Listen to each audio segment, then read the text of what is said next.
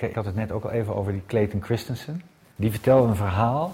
En wat hij zegt is, wat bijna alle bedrijven verkeerd doen, die vragen zich af hoe zitten onze klanten in elkaar. Maar hij zegt, daar gaat het helemaal niet om. Waar gebruiken ze onze producten voor of onze diensten voor?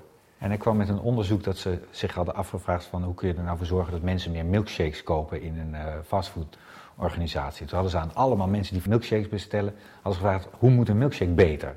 Nou, van allemaal dingen kwamen eruit, hebben ze allemaal toegepast, heeft niet geleid tot enige verhoging van het aantal milkshakes dat verkocht werd. En toen gingen ze nog een keer onderzoek doen en toen bleek dat meer dan de helft van het aantal milkshakes werd verkocht voor half negen s ochtends door mannen in hun eentje. En die kochten alleen maar één milkshake. En toen gingen ze die mensen vragen, waarom is dat dan? En wat bleek, die man die zat gewoon nog een half uur zat hij zich te vervelen gewoon in zijn auto. En ik kreeg om een uur of tien kreeg hij altijd honger. En hij zocht dus iets dat er zo goed mogelijk voor zorgde dat hij die tijd doorkwam en dat hij om tien uur geen honger had. En donuts die plakten te veel, dat schoot niet op. En bagels, dan moest je achter het stuur moest je er iets opsmeren. Dat kon niet als je aan het rijden was. Uh, dus uiteindelijk bleek daar de milkshake het meest geschikt voor. Hoe zorg je er nou voor dat, dat nog beter, dat die milkshake nog beter doet wat hij moet doen?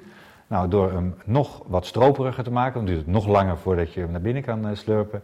En door er kleine stukjes fruit in te doen, niet omdat het gezond is, maar dat kost nog meer moeite om die door het rietje te persen. En dan worden die dingen wel meer verkocht. Dus door heel erg te kijken van waar is het voor, waar gebruik ik het voor, door zelf na te denken van hoe kan ik die mensen beter helpen met dat wat ze er echt mee willen bereiken, kom je dus verder dan aan je klanten te vragen wat vind jij dat we moeten doen.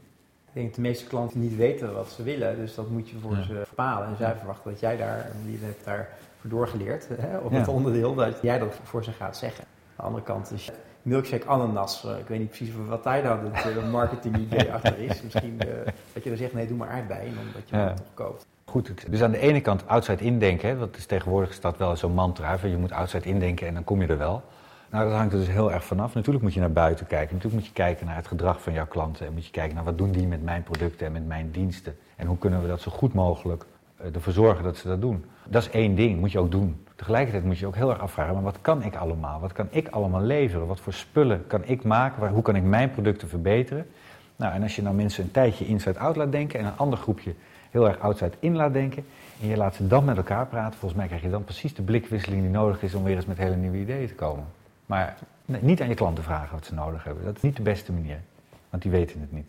Maar hoe zorg je ervoor dat je voldoende focus houdt met al die honderden ideeën die je hebt en welke ga je eruit halen? Wie gaat dat uh, weeding doen? Hè? Het brainstormen is makkelijk. Maar daarna kiezen voor juist de onderdeel is ja. lastig. Kijk, met de milkshake is het relatief makkelijk. Als het gaat om dienstverlening waar je klanten duizend en één dingen willen, althans denk je dat ze duizend en één dingen willen. Iedereen wil een unique selling point hebben. En jij gaat ze daarmee helpen, sterker nog, je gaat het voor ze zeggen. Nou, ik denk dat we, voor het eerst gaan we nu zeggen dat management heel belangrijk is. Want het heeft natuurlijk alles te maken met het sturen op een goede balans tussen al die dingen. Je, moet, je kan doorslaan aan de ene kant en doorslaan naar de andere kant. Dat is allebei niks. Maar je moet een goede balans vinden. En, en wat er ingewikkeld in is, die balans is elke dag anders. Dus die zet je niet in een procesje neer en, dat, en dan is de balans op orde. Dat is wat je de hele tijd aan het doen bent. Maar heeft het management voldoende honger om, uh, om hiermee bezig te zijn? Want die zitten gewoon eind van elk kwartaal naar de cijfers te kijken. En als daar goed geld uit komt, dus ze kunnen een huis in Bloemendaal in 2000 Spanje betalen, vinden ze het allemaal wel prima. Ja. Waarom zouden zij dit doen? Het zijn ook uh, de gemiddelde leeftijd van de beslissers, in ieder geval CEO's in Nederland is 55. Dus ja. die mensen zijn met hele andere dingen bezig. Over, die willen over vijf jaar met pensioen. Waarom zouden ze nog willen innoveren? Nou, als, als het belang van de, van de manager is dat die eigenlijk over vijf jaar klaar is. En dat de echte oplossingen voor het probleem, dat die over zes, zeven, acht jaar moeten liggen, dan heb je als bedrijf volgens mij wel een groot probleem. Familiebedrijven doen het uh, historisch uh, ja. en nog steeds uh, om die reden goed. Hè? Ook een lange visie. Wat, wat dat betreft moet jij dus managers die niet die tegen een pensioen aanlopen of een fut aanlopen, moet jij niet leuk vinden, want dat past niet bij jouw Rijnlangs lange termijn model. Kijk, in, in die familiebedrijven wel. Hè, daar is die, die, die man is bezig met de lange termijn van zijn bedrijf. Want het gaat namelijk over het geluk van zijn kleinkinderen. Als die manager die tegen zijn pensioen aan zit van een niet-Rijnlands model, van een niet-familiebedrijf, als die ook maar iets van een lange termijn belang heeft, dan is er niks aan de hand. Maar als die echt alleen maar een korte termijn belang heeft, als die denkt nog even twee flinke bonussen binnenhalen, met korte termijn resultaten, en dan, ja, dan mag de onderneming verder omvallen voor mij, dan denk ik dat je als raad van commissarissen die man twee jaar eerder met pensioen moet laten gaan, of vijf jaar eerder. En dat je het niet moet laten wachten, want er moet honger zijn. Toch in die categorie uitzondering misschien wel meneer Benning van Douwe Egberts uh, Ja. Master Blenders, Blenders Ja. 1753. Die natuurlijk al een keertje eerder een trucje gedaan heeft uh, met nu, Nutricia, waar hij zelf 80 miljoen euro bruto aan overhield. Dat is een korte termijn denker. En toch zet hij wel wat neer. Weliswaar verkoopt hij de kroonjuwelen aan, aan een Franse partij, wat we niet leuk vinden. En hij verdient er heel veel geld mee, wat we niet leuk vinden. Maar ja, nu met Douwe Egberts, wat, wat in principe koffie en thee is, niet heel erg innovatief. De, de Senseo is ook alweer uh, 15 jaar oud. Dus in mijn ogen echt een typisch uh, Anglo-Amerikaans type die alleen ja, met korte termijn bezig is. Hij haalt een groep mensen erbij.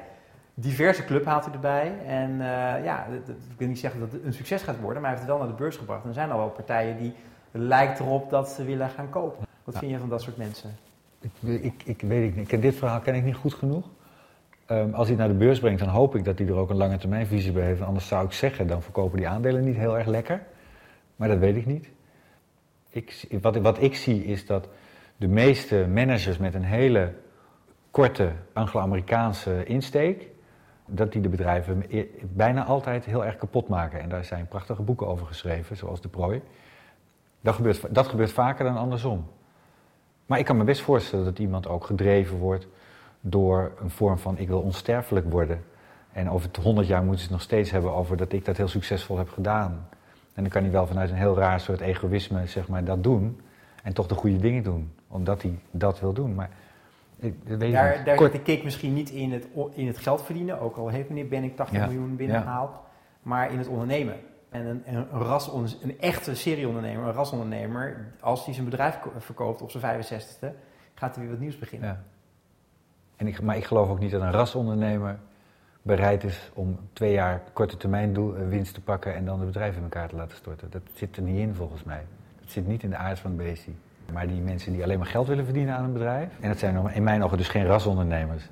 Maar dat, dat zijn ook altijd mensen die pas aan de macht komen als het bedrijf al draait als een tierenlier. Die, ja, dat is, dat is een andere vorm. Die maken, die maken het stuk.